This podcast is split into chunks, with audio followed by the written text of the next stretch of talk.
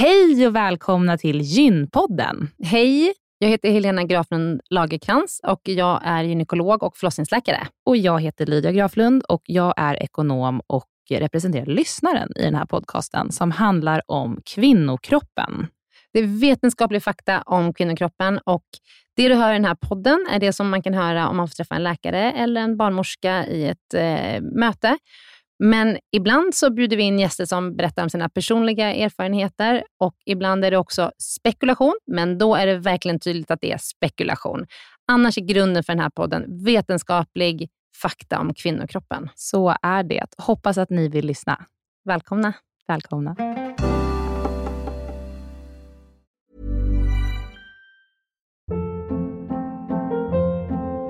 Hold up. What was that? Boring. No flavor. That was as bad as those leftovers you ate all week. Kiki Palmer here, and it's time to say hello to something fresh and guilt-free. Hello Fresh. Jazz up dinner with pecan-crusted chicken or garlic butter shrimp scampi. Now that's music to my mouth. Hello Fresh. Let's get this dinner party started. Discover all the delicious possibilities at hellofresh.com.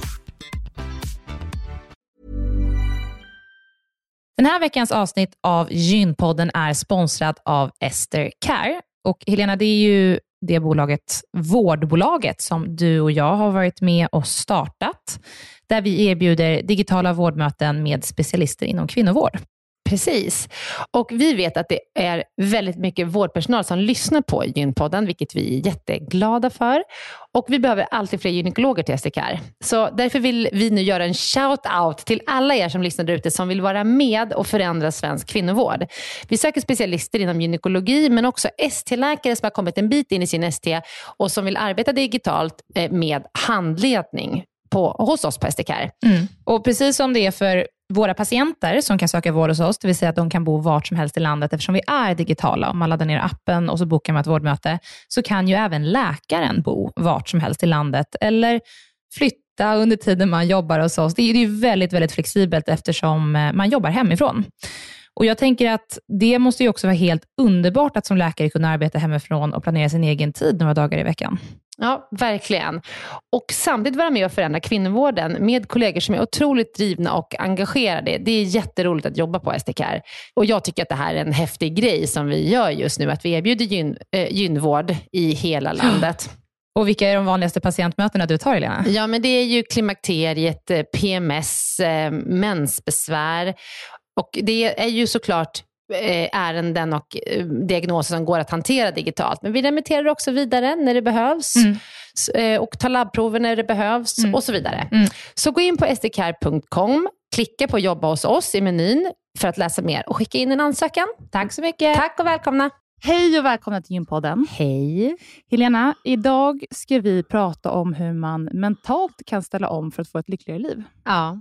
Det är så viktigt. Det är så viktigt och där tankar är minst, om inte mer, eh, viktigt än eh, träning. Vi har pratat väldigt mycket med mm. eh, Sofia gällande ja. träning och dess liksom inverkan på hur man mår. Men ja. det här är ju enormt att, viktigt. Att, att, vara lycklig vet vi i studier ger ett längre liv. Mm. Det här ska vi prata med dagens gäst om. Ja, vill mm. du introducera honom? Ja, eh, ja eh, vi ska intervjua och prata med Kai Pollak. Välkommen!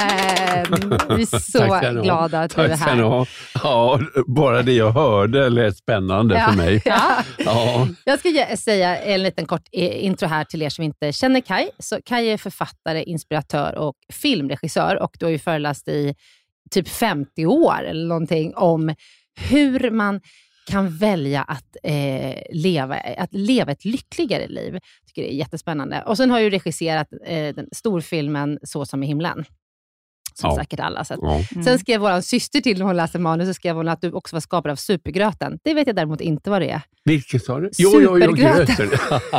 jo, jag äter en särskild gröt varje morgon. Det har jag gjort ganska länge. Alltså okay. havregryn och eh, råflingor och så vidare. Och så torkade frukter och så vidare. Okay. Och, och fyrkornskross och så vidare. Jag, jag tänkte om det var en film, men det är alltså din frukost, Kaj?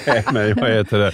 Och varje dag så tycker jag, säger jag det, gud vilken frukost jag har. Ja, otroligt. Ja. Och Kai, vilken, härlig, vilken bra start på dagen att tänka varje dag så här, vilken härlig frukost. Ja, ja det, är en bra start. Det är mm. väldigt bra. Men Kai, jag måste börja med att säga en grej och det är att 2008 tror jag det var, så, hade, så läste jag din, en annan bok av dig som heter Att välja glädje. Ja. Och Då visste inte jag att jag jättemånga år sedan skulle sitta här och podda med dig. Men den boken gjorde ett otroligt stort intryck på mig. För att jag och min man vi hade precis köpt ett litet landställe och vi hade hemska grannar. Alltså Det var så hemskt.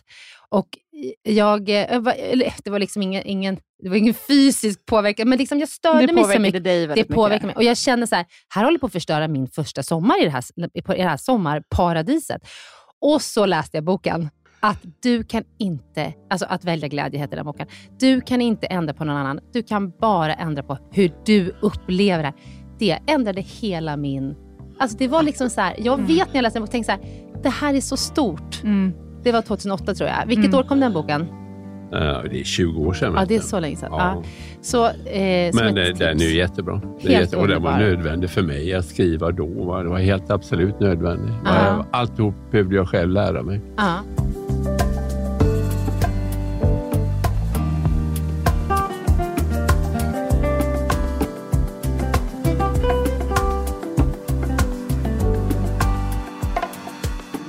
Vi tänkte att vi skulle börja med att prata om att den här boken som vi har läst nu, den är ju uppdelad i sju delar. Vad heter Ett den Lydia? bättre liv. Ett bättre liv, precis. Att förändras en tanke i taget. Ja, det ja. Um, och men, den, den, är mycket nyare. Den kom förra året, eller hur? Ja, den kom mm. ju nu bara för mm. ja, men fyra, precis. fem månader sedan. Mm. Och där bokens första del avhandlar att du endast är påverkad av dina egna tankar. Mm. Eh, och Det ligger ju lite som grund för också resten, ja, för att sen kunna förändra sitt tankemönster, sitt beteende. Hur, hur har du kommit till det här? Hur, hur kommer det sig att du har skrivit de här böckerna och hamnat i de här tankarna? Ja, alltså Alltså det är ju ingen, inga nya saker, det är hur gamla saker. Men de är ju inte lätt, skulle förmodligen ja, men de är inte lätt att bara hitta på. Alltså så här, Nej, hur, det är inget hur har du på. hamnat? Nej, det, ja, det var ju en eh, workshop jag gick i uh, för 35 år sedan i USA. Och den workshopen förändrade mitt liv. Mm. Absolut. Va? Jag var ju helt... Alltså, hade jobbat så mycket också, jag var så utbränd och trött och så fick jag höra om den där workshopen. Och Jag tänkte, det här är inte klokt, men jag åkte dit och åkte hem absolut totalt förändrad. Ja, och där, där kom ju den här första meningen som är i första kapitlet i boken. Där står ju den här meningen på åtta ord. Du är endast påverkad av dina egna tankar. Den fick jag ju där och jag hade den på en papperslapp och gick och läste den där. Herregud, vad femte menar om? Det är ju de andra som gör livet svårt för mig och så vidare. Va? Mm. Och Det tog ganska lång tid innan den, pang! Du, du är endast påverkad av dina egna tankar. Du är endast påverkad av de tankar du väljer att tänka om det du ser just nu. Det vill säga, jag fick tillbaka möjligheten att välja hela tiden. Mm. Och den meningen, jag lever med den meningen varje dag. Mm. Du är endast påverkad varje gång jag blir störd och irriterad. Nu får du skärpa dig. Just nu är du endast påverkad av de tankar du väljer att tänka just nu. Mm. Det finns andra sätt att tänka. Och sen, ja, sen var det bara, jag gick på nya workshops, nya böcker. Jag läste om människor som överlevde svåra situationer, exempelvis hur tankarna påverkade människor. Ja, det blev, jag tänkte när jag åkte hit, så tänkte jag, alltså innehållet i den här boken, sista boken, den, det innehållet har förändrat mitt liv. Det är absolut så. Jag har ett annat liv nu. Därför jag le och även den här andra, den andra meningen som man menar är också en otroligt viktig. Det finns ingen värld åtskild från den du önskar. Att förstå den. Alltså jag har läst den meningen så många gånger. Ja, alltså, för mig och för mig. För vi var på en resa när jag ja. läste den här boken nu i januari. Och så låg vi där på Mm. eh, stranden Ja. och så läste jag högt för honom. Jag har nästan läst varje kapitel högt för honom, för Ja. jag tyckte att han behövde också höra det här. Ja, det är bra Och så det. läste jag det flera gånger, för att det Ja. ger en nästan frid på ett Ja. sätt. Mm. Ja, det är inte klokt. Den Det är så här, så du kan på riktigt välja Du själv hur du ska må. Hela Mm. tiden. Ja. Men, men och det är ju också, när man läser den här boken, det är ju väldigt många gånger som man känner eh, känslan i magen. Mm. Alltså det är, så här, det är ju en fysisk känsla när det här landar i en. Att Mm. Jag kan gå från olycklig till lycklig på en sekund. Exakt! Om jag skiftar. Mm. Om du... Eh, när du Ja. har fattat Ja, så kan man, man- göra det. ja. Det är det som är grejen. Ja. Mm. Och sen är det ju en lång väg att faktiskt leva Praktisera. så. Leva praktisera. med det hela tiden. Ja. Men jag menar, det är jätteroligt att höra er prata, därför att det är ju att öva. Börja med de, man kan ju inte börja med de värsta sakerna i livet, Nej. Utan börja med alla de där små grejerna man retar sig på, eller bara just nu är olycklig på. Vad, vad som helst. Parkeringsböter just nu. Ja. Åh, eller, okej, jag kan, inte- jag kan Mm. se på det på ett annat sätt. Ja. Alltså, för ju- mig blev insikten, alltså, tror jag, jag insåg att det jag kallar för offertänkande, alltså sättet att tänka, att göra sig fri från att vara ansvarstagande i mitt liv. Ja. Hela tiden skylla på de andra. Ja. Det blev vändpunkten för mig att fatta det. Ja. Tror, tror du att man hamnar eh, att man tvingas in i det här när man hamnar i en kris? För då måste man nästan välja. Ska jag Ja. fortsätta ha offerkoftan på mig eller ska jag försöka ta mig ur det här och ändra på hur jag tänker på saker och ting? Absolut. Alltså, varje gång man hamnar i en sådan situation, vilket ju var alla som har levt länge i en relation. Jag, menar, jag har ju levt med samma kvinna i 36 år och vi har haft upp och ner och hit och dit. Men och vi har verkligen, där har man ju en möjlighet att lära sig någonting. Alltså. Ehm, och, och, och Vi har verkligen lärt oss. Karin har ju varit med och så att säga fungerat och skrivit, var, eh, rätt, hjälpt mig att läsa, skriva de här kapitlen så att de blir bättre. Det är ett gemensamt jobb. Ja, ett Mm. mycket ett gemensamt jobb är det verkligen. Man vill nästan höra Karins historia, Kaj, innan och efter. Ja.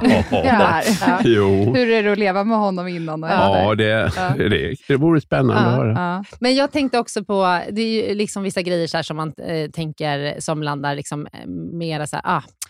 En grej som var är ju att man kan inte både eh, känna sig som ett offer och känna tacksamhet.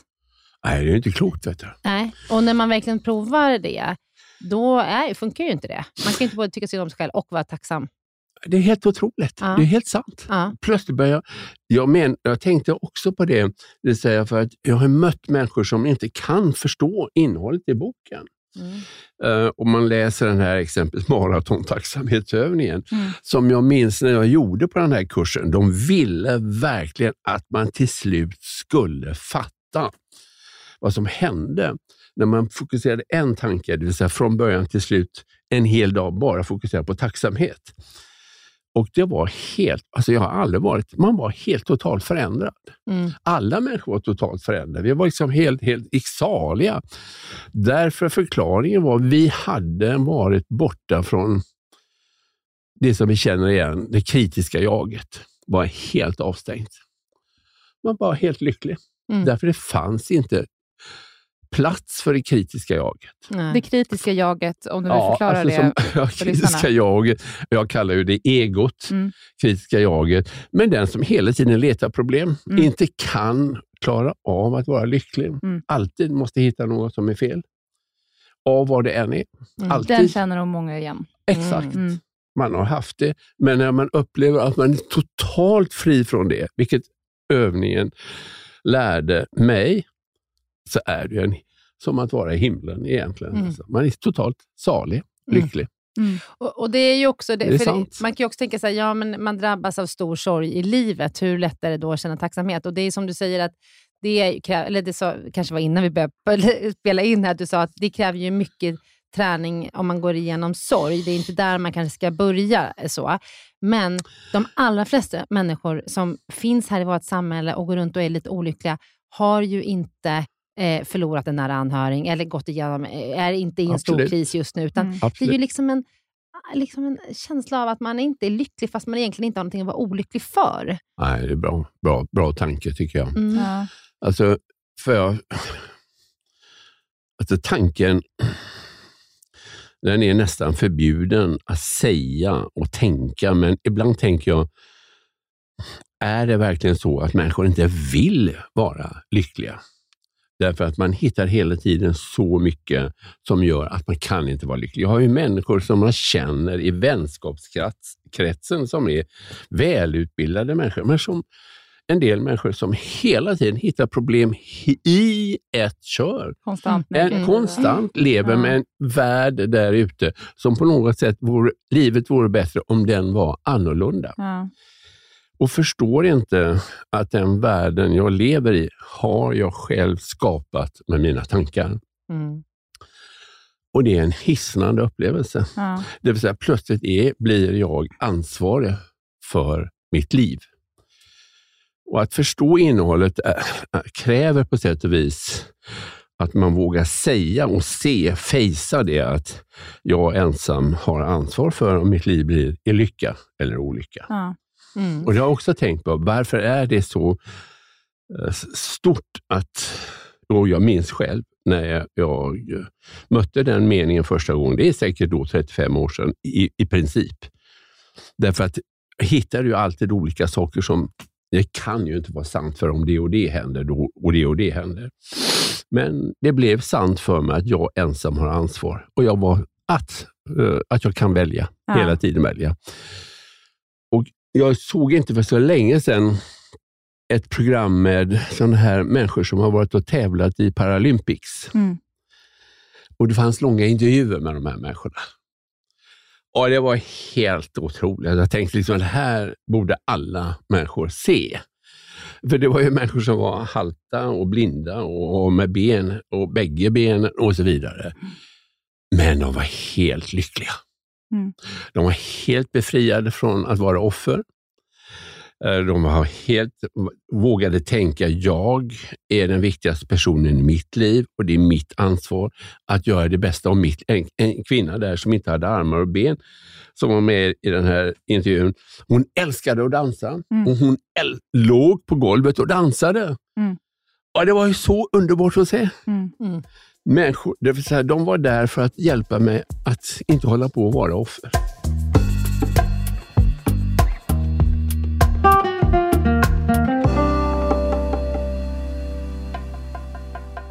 Om vi går tillbaka till varför människor blir offer och vissa inte är det. Till Bra. det du skriver om trosatser som man får från sina- föräldrar när man är liten. Ja.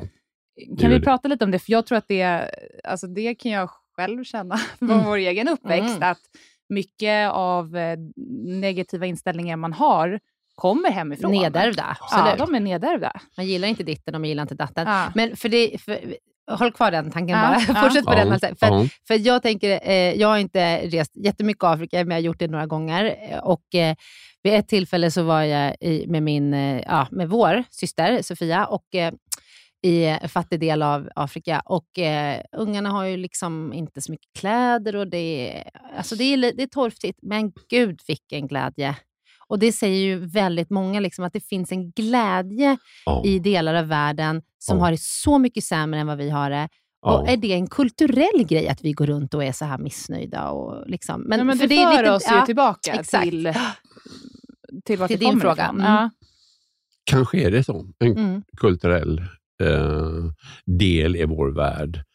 Eh, för jag tänker ju på det, alltså, jag, jag talar ju om den gigantiska felindoktrineringen. Det vill Mhm. säga som jag själv upplevde och förstod plötsligt hur många gånger har jag som barn från, från jag jag några, ända till 15 år, 14-15 år, hört mina föräldrar i olika situationer ge uttryck för eh, ilska, oro, eh, ledsenhet, irritation för att jag var på ett visst sätt. Mm.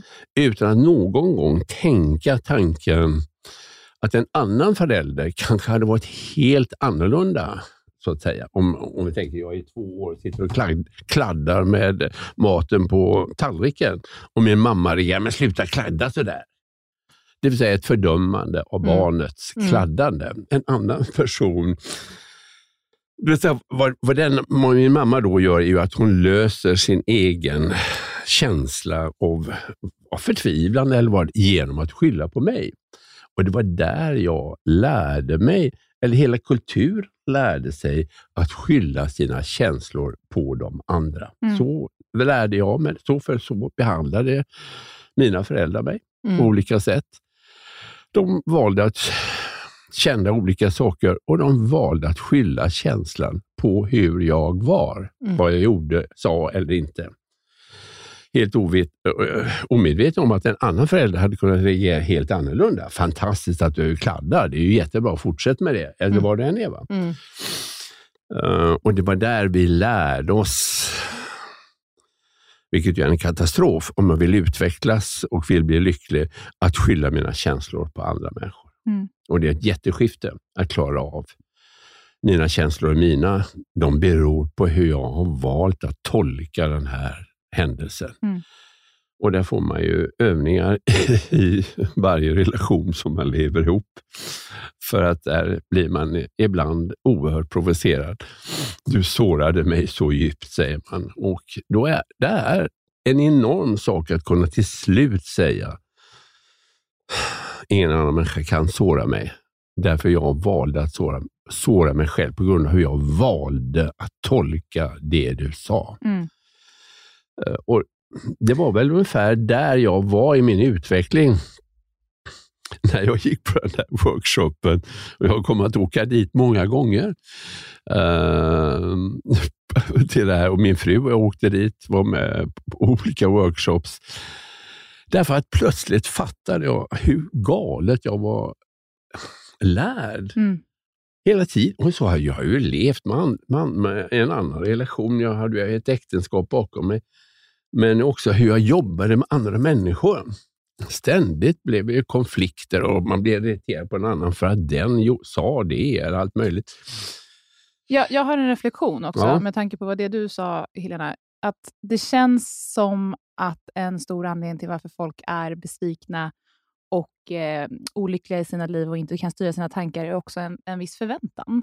Mm. Jag tänker på det här med kultur, att ja. man har en viss förväntan på en viss nivå i livet här i Sverige. Och vi, Mina föräldrar har haft det så här och jag ska ha det så här. Och Får jag inte det, då är jag missnöjd. Alltså att man inte har en ödmjukhet Inför att bara vara tacksam inför livet. Ja, Exakt. Det håller jag med om. Uh. Det förvånar mig hela tiden varför människor inte är mer tacksamma. så att säga. Uh. För Jag får ju ibland den frågan, vad tycker du är det bästa man kan göra då om man ska vara mer lycklig?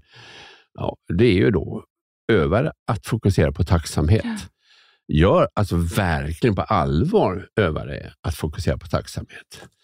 Varje morgon eller varje kväll, ta en fem, tio stycken saker som du är absolut helt sant är tacksam för. Ja, för att i vår värld så kan man ju gå runt och vara aldrig tacksam och ändå Exakt. ha mat på bordet och ett hus att bo i och gå i skolan och ha rätt till ditten datten för att vi har det samhället. Mm. Liksom. Ja, det, det, och det tror jag leder till att många inte, att det inte är så lätt att känna tacksamhet, för man förväntar sig det här. Nej. Nej. Men, och jag som jobbar inom vården kan ju också tänka så här att ibland så jag eh, tänker också att eh, människor har helt oproportionerligt höga tankar om vad man kan begära av vården. Mm. Ja. Nu går jag här lite stick i stäv med vad du och jag brukar säga, för vi tycker att vården är lite, eh, lite för dålig för kvinnor. Vi tycker kvinnovården är nedprioriterad. Ja, det tycker mm. vi. Mm. Men om man säger det stort så kan man liksom att man har så höga liksom, förväntningar eh, att man nästan aldrig kan bli nöjd med vården. Mm. Det ska vara liksom, du ska in och du, man ska få en DT direkt och man ska liksom, eh, eh opereras inom en viss tid, alltså, så här, även när det inte är liksom, mm. livshotande. Mm.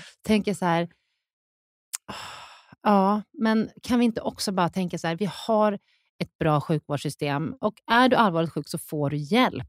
Mm. Och eh, tålamod och tacksamhet är liksom en dygd mm. verkligen. Mm. Så det, det här genomsyrar ju hela samhället mm. på alla olika nivåer. Mm. Ja. Mm. Jo, men vadå? Vi har eh, ett krig i Ukraina. Mm. Det är bara att påminna sig om det varje mm. kväll man lägger sig. Vi, ja, det är inte mm. klokt. Vi, är inte klokt. vi är inte vi, lägg, vi lägger oss i vår säng Mm. Min fru och jag lägger oss i sängen. Mm, och är säkra. Ja, mm. och vi räknar med att huset står kvar. Mm. Det är ju inte klokt. Nej. Nej. Så vi har hur mycket som helst att vara tacksamma för. Mm, det har vi. Och Men... det är känslan att fokusera på tacksamhet. Ja, det är ju det bästa man kan göra. Mm. Absolut. Ever catch yourself eating the same flavorless dinner three days in a row? Dreaming of something better? Well, HelloFresh is your guilt-free dream come true, baby. It's me, Kiki Palmer. Let's wake up those taste buds with hot, juicy pecan-crusted chicken or garlic butter shrimp scampi. Mm. Hello Fresh. Stop dreaming of all the delicious possibilities and dig in at HelloFresh.com. Let's get this dinner party started. Life is full of what ifs. Some awesome, like what if AI could fold your laundry? And some, well, less awesome, like what if you have unexpected medical costs? United Healthcare can help get you covered with Health Protector Guard fixed indemnity insurance plans they supplement your primary plan to help you manage out of pocket costs. No deductibles, no enrollment periods, and especially no more what ifs. Visit uh1.com to find the Health Protector Guard plan for you. Den här veckan så är Gynpoddens avsnitt sponsrat av hemsidan mittpreventivmedel.se som är en eh, informationshemsida gjord av Bayer. Mm. Och vi har pratat om den tidigare i avsnitt eh, om att eh, det finns olika tester du kan ta, eller det finns ett test du kan ta. Du kan också gå in och jämföra olika preventivmedelsmetoder för att se vilka som är bäst för dig och du mm. kan titta på en film där mm. du kan förbereda dig inför att du ska träffa barnmorska eller gynekolog och skaffa ett preventivmedel. Men det vi skulle vilja berätta om idag, det är att det finns också då eh, på mittpreventivmedel.se så finns det en bra lathund om man råkar glömma ta sitt p-piller, eftersom det beror ju lite på liksom när i kartan som du glömmer att ta ditt piller. Mm. Och Då kan du gå in under rubriken “Känner du igen dig?” så finns det en rubrik som heter “Undvika oplanerad graviditet”. Mm. Och Där är listat sådana här saker då som kan hända. Att mensen är sen, du har glömt att ta p-pillret, behov av akut p-piller och kondomen gick sönder. Mm. Ja, du vet Lydia, olika saker som kan hända mm. som ändå gör att man blir sjukt orolig och behöver få information om vad som kan hända. Så börja med att gå in och läsa på den här sidan för att se liksom lite var passar du in någonstans. Mm. Det här är faktiskt en väldigt viktig del av den här hemsidan. Ja, och det är en superenkel guide där man mm. fyller i hur många piller man har glömt, vilken sorts karta det var. Är det en karta med fyra eller sju sockerpiller, inga alls? Ehm, ja, så att det, det, är väldigt anpassat till din situation och sen mm. så får du råd. Mm. Och Ibland kan det vara att man bara, bara behöver ta igen det här pillret som man har missat och ibland behöver man kanske komplettera och ha kondom i en vecka liksom, eller så under en viss tid. Så att, eh, ja, men den är informativ och bra. Så gå in och kolla på mittpreventivmedel.se och sen klicka vidare till den här lathunden då, som man hittar under rubriken Känner du igen dig? Mm. Jättebra sida. Tack okay. Bayer. Tack Bayer.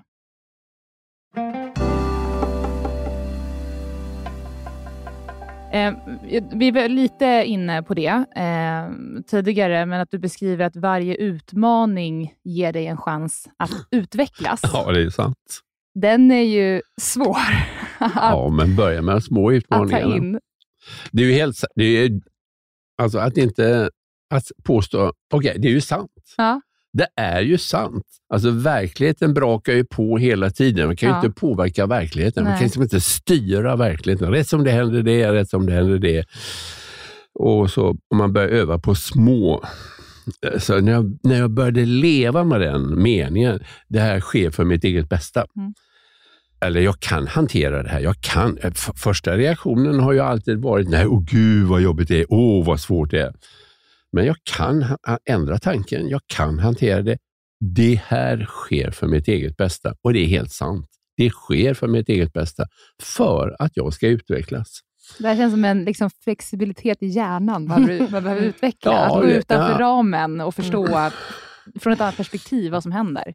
Ja, det är jätteroligt. Mm. Det är jätteroligt att leva med den. Mm. Att ha, man, man, man, nästan har den inskriven i handleden med um, handsid, uh, insidan här med kulspetspenna. Det här sker för mitt eget bästa. Och det är ju sant. Varje gång jag blir störd, irriterad, så är det ju sant. Det sker för mitt eget bästa. Mm. Helena, kan inte mm. vi lova varandra att vi ska försöka tänka på det varje gång vi bråkar framåt? Det sker för ditt eget bästa. Helena, att jag bråkar med dig, det sker för ditt eget bästa. Okay. Det är för att öva dig. Ja, det är för att öva mig i att se det positiva. Ja, men det ska vi, det ska vi göra. Absolut. Bra. Men, ja, men det är ju sant. Ja, det är sant. Det är ju sant. Ja. Men du ger ju också väldigt mycket bra exempel som gör att, alltså för ibland när man läser så tänker man så här, ja, ja, jo, men så ger du exempel och det är då som mm. det liksom faller in mm. lite bättre. För att, ja, alltså. Så därför måste man ju läsa boken. Mm. Alltså, det räcker inte med att ni lyssnar på den här podden, ni måste läsa boken. Och vi ska ja. låta ut ett, ja, vi låter ut ett exemplar. Vi låter ut ett mm. exemplar och ni som inte vinner boken får gå och köpa den. Mm. Men, eh, alltså, jag alltså, älskar det där exemplet som finns i boken med kvinnan med tandkrämsfläckarna. Mm. Alltså, det är så... Och det, det, sen har jag fått mejl från människor som har läst boken. Kaj, det stämmer. Jag har ändrat mina tankar om min sjuårige pojke. Nu, nu får han, tycker jag det är roligt att han sitter med de där sakerna på golvet. Mm. och, eh, och, ett exempel är också att säga så här, eh, det, hela, hela hallen är full av skor. Det här ja, händer ju ja, ofta ja. hemma hos mig. Hela hallen är full av skor och jackorna är inte upphängda. Och man kliver in där man bara, jädra ungar, ja. kan ni bara inte ställa... Skorna ska stå in till höger och jackorna oh. till vänster. Och så, så, så, kan man tänka. Eller ska man tänka så här, gud vad ljuvligt, ungarna är hemma, de har kompisar eh, och jag vet var de är, jag behöver inte ut i mörkret och leta efter dem. De är hemma. Sen kan de lära sig ställa undan skorna tycker jag. Men... Mm. Det kan de säkert lära sig. Ja, det är också möjligt. Ja. Men, jag men tills dess? Tills dess att bara mm. så här, ja, de alltså, är hemma. Vi, alltså jag minns mm. det här sko, äh, sko, alltså vi hade ju många skor som, i hallen som eh, man tänkte det är inte klokt, man kan inte gå in med alla kompisar där. Ja. Men min fru Karin, hon var helt fantastisk. Alltså. Jag klockade, alltså hon går förbi och ser alla de där skorna och, och, bara böjer sig ner och så rättar hon till skorna. Och det går på 12 sekunder. Det gör ju det. Mm. Det gör ju ja, det. Ja, absolut. Och sen är hon glad och går vidare. Mm. Alltså hon var, äh, var, det var oerhört lärorikt för mig.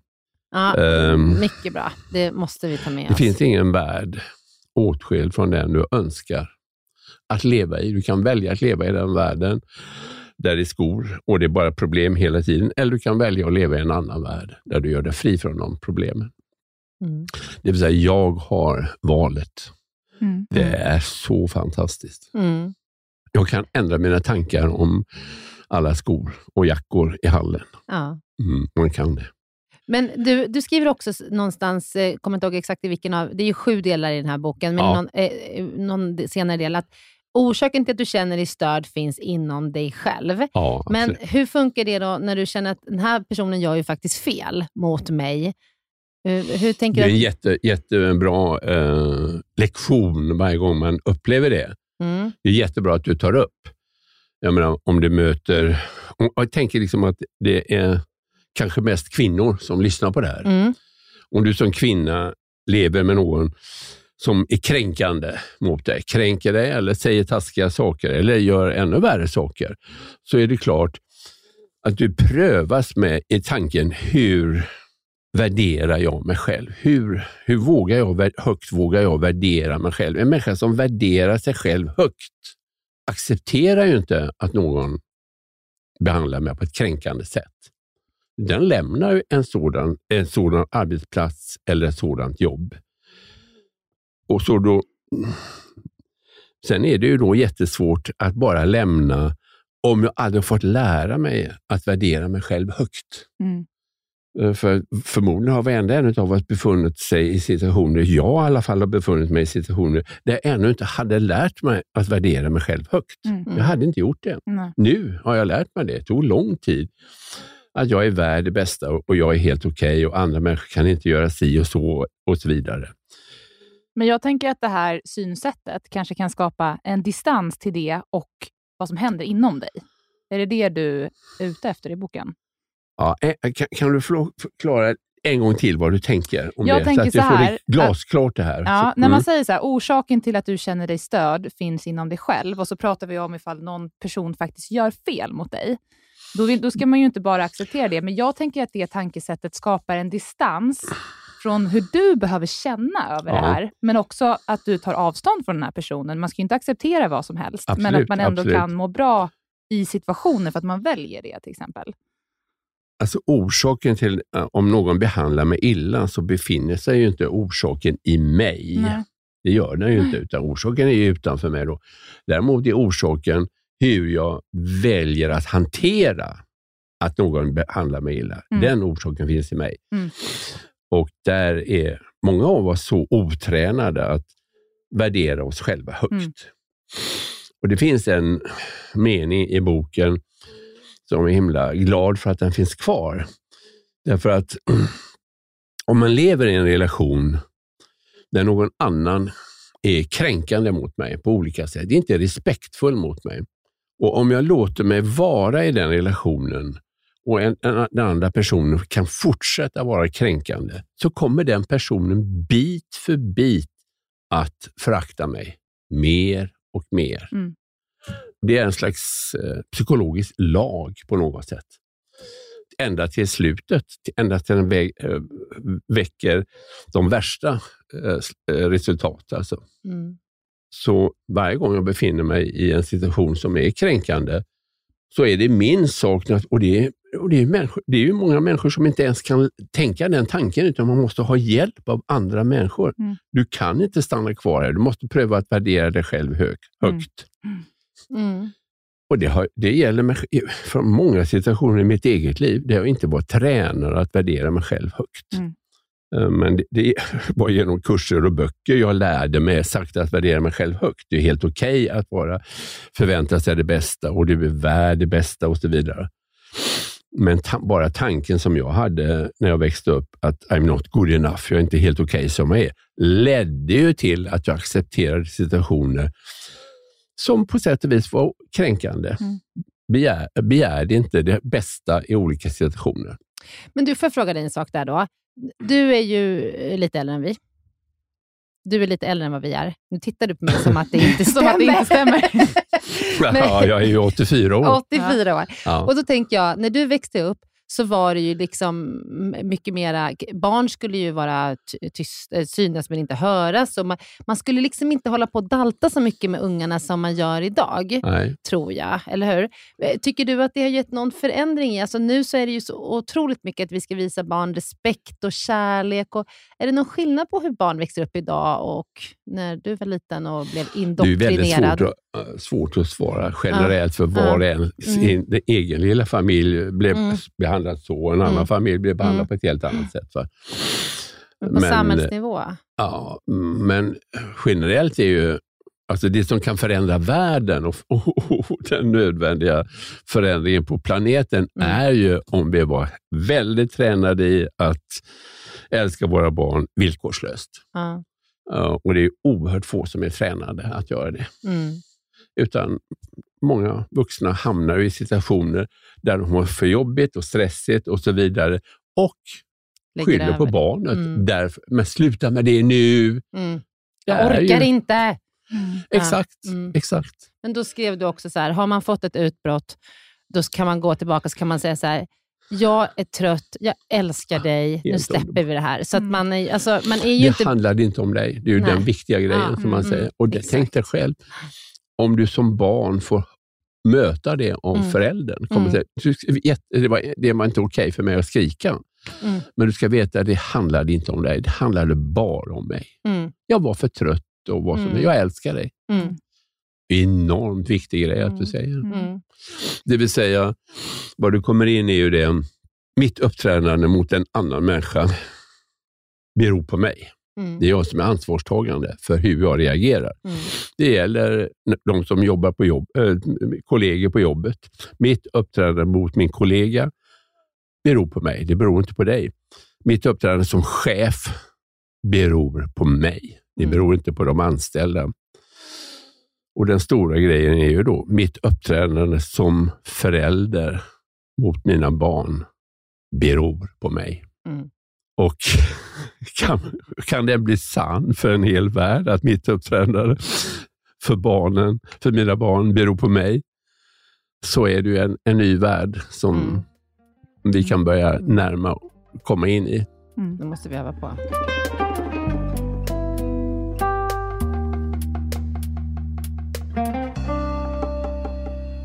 Kaj, du skriver ju om att att man skulle kunna tänka sig en värld där det finns två grundkänslor. Ja. Kärlek och rädsla. Ja, det är det. Och att, och att oavsett vad man upplever så är det det ena eller det andra. Ja, ja jag, ger, jag ger ju många exempel där på, på de där två sidorna. Och, och, och det, det är ju någonting som jag har jobbat med ja, säkert i 30 år. Mm. Uh, att... Uh, Alltså enkelt, om du tänker någon som jobbar på ett jobb. En kvinna jobbar på ett jobb och där finns en man som hela tiden är arrogant och ironisk mot henne. Arrogans och ironi är uttryck för rädsla. Det är absolut glasklart att det är det. Om jag är närvarande i mig själv har jag inga, inget behov av att vara arrogant eller vara ironisk. Det är en mask, ett skydd för att dölja min rädsla mm. som man. Alltså är jag arrogant mot dig. Jag är rädd för kvinnor exempelvis. Och då väljer jag att vara ironisk mot dig. Mm. Och du kan se att det är rädsla hos den här mannen. Så ökar ju dina möjligheter att bli osårbar för det. Du kan stå kvar och tänka, här är en man som har rädsla. Mm. Är, det ingen som, är, är det ingen som någonsin är ond? Säkert finns det onda människor. Men du tänker att det kommer från rädsla? Ja, alltså om, du tar, om vi tar ett extremexempel. Eh, någon seriemördare som har mördat 59 kvinnor, det är ju uppenbart en ond människa. Mm. Men den som kommer i kontakt med den förstår att det är en djupt skadad, mycket skadad människa. Mm. Och var, varför den har det behovet, det vet vi inte. Men sen går vi till, flyttar vi på skalan och går till Hitler. Ja, ond människa, otroligt. Mm. Den som läser Hitlers barndom, det finns en bok om det, en psykolog som har undersökt. Han är fruktansvärd barndom han hade. Mm. Enorm, alltså kränkande, som utan like kränkande. Uh, och hela den svarta pedagogiken som människor har vuxit upp i under uh, första världskriget och andra världskriget och så vidare, där, där barn bara behandlades som skräp och kränka och de skulle må bra om de fick stryk och jag gör det för att jag älskar det och allt möjligt. Klart skapade en massa skadade själar som tog sig onda uttryck, mm. säkert. Mm. När du säger det, finns det en onda människor? Ingen föds ju ond, det vet vi ju. Nej, ingen föds ju ond. Det är alldeles sant. Mm. Så är det precis. Mm. Men tänk vad mycket eh, sorg och irritation man skulle kunna slippa om man tänkte så här, den här personen är bara rädd. Eh, har ja. inte ens med mig att göra. I mer normala Bra! situationer. Ja, ja.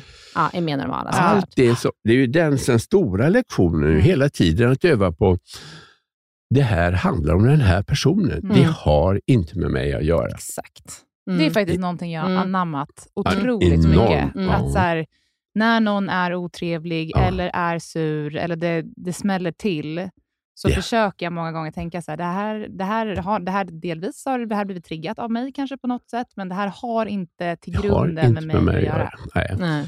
Så är det. Um, alltså det finns ju, den är ju väldigt provocerande, den. Den finns med i boken, ju, den här som kommer från Byron Katie, en amerikansk eh, coach och eh, föreläsare, hon säger det, ingen annan människa kan såra mig. Det är mitt jobb att göra det. Mm. Och det, det, ja, det, det, faktum är att, att den hjälper mig och den har hjälpt mig att förstå. Vadå, det är mitt jobb att göra det. Jag någon sårar mig, säger några dumma saker.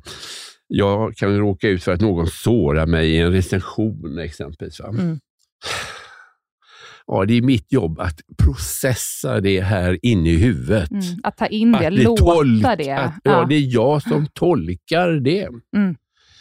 Det fanns ju några recensenter som inte klarade av filmen Så som himlen exempelvis. Mm. De blev väldigt förlöjligande mm. mot den, därför den väckte så mycket kan vi säga, äkta känslor. Mm. Och Då kunde jag ju se det. Ja, men Gulle, det här är uttryck för rädsla. En människa som mår bra han väljer inte att vara förlöjligande i sin recension och så vidare. Det är uttryck för rädsla. Mm. Det var mitt sätt att det var mitt sätt att processa det. Mm. Och det kunde och det funkade. Ja, kunde, mm. ja, det funkar ju. Mm. Vi ska börja avrunda ganska snart. Jag skulle bara vilja säga en...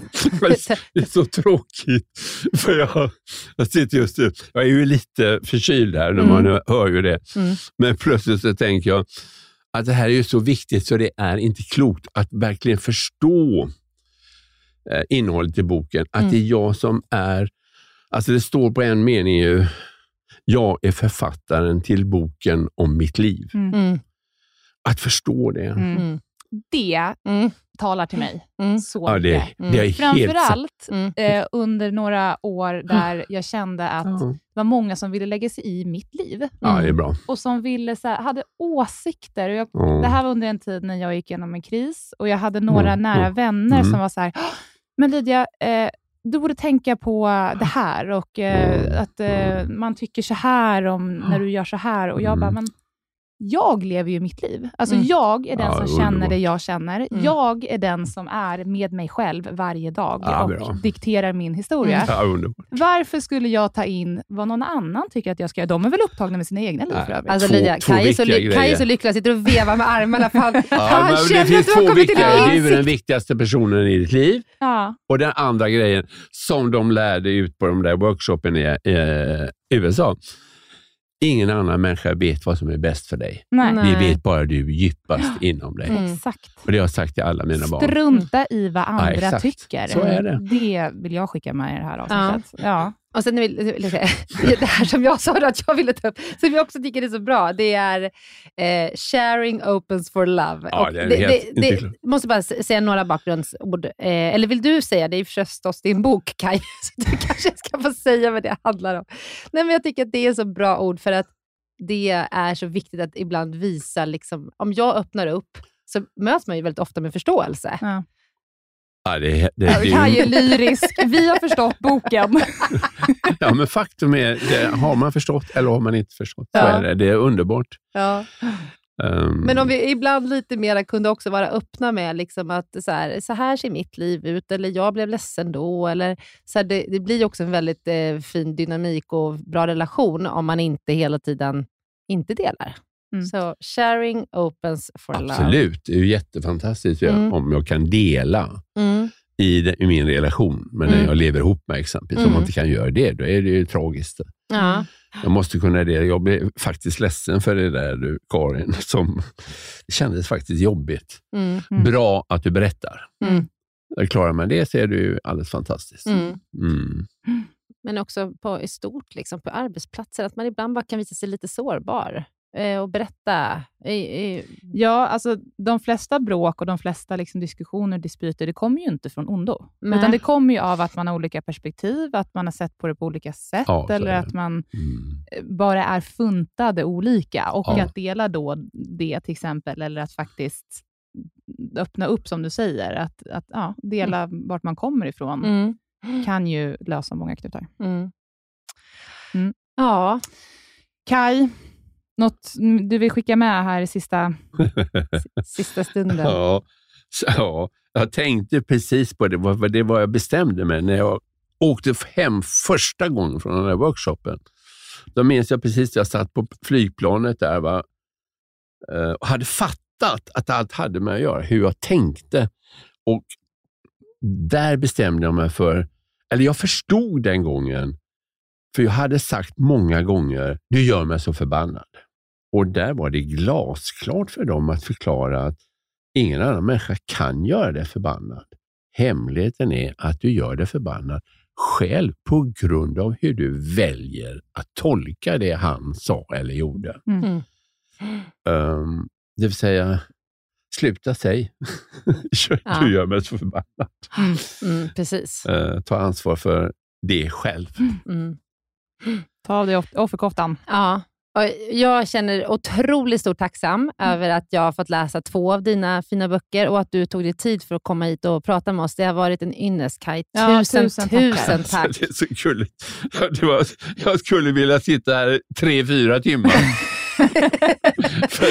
Undrar om någon skulle orka lyssna på oss i tre, fyra timmar. Du får komma tillbaka. Ja. Men, och sen den sista, När du har skrivit din nästa bok ja, får du komma tillbaka. ja. Och sen sista present nu då, till ja, lyssnarna. Ja. Så då, skriver, då säger Kaj så här, på sista sidan i sin bok, eller vill du säga någonting först? Nej. Nej. Nej. Eh, då skriver du så här att eh, Gabriellas sång, som skrev till, sången, eh, till filmen Så som i himlen, sammanfattar texten eh, på det som du vill säga i den här boken. Oh.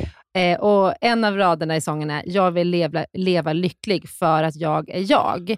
Och det kanske är varje människas dröm. Och jag tänker att vi, skickar, vi, vi spelar upp den här nu i slutet av, slutet av det här avsnittet som en liksom liten sammanfattning på Kajs budskap till oss mm. alla. Mm. Ja, tack jättebra. Kaj. Vi, Tusen ja. tack Kaj. Hoppas vi får möjlighet att ses igen. Tack ja, bra. Jättebra. jättebra. Tack ska ni ha.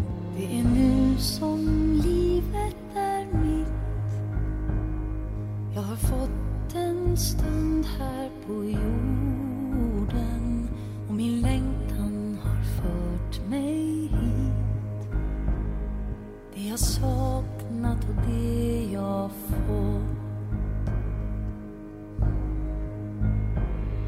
Det är ändå vägen jag valt. Min förtröstan långt bortom orden som har visat en liten bit av den himmel jag aldrig känna att jag lever all den tid jag har. Ska jag leva som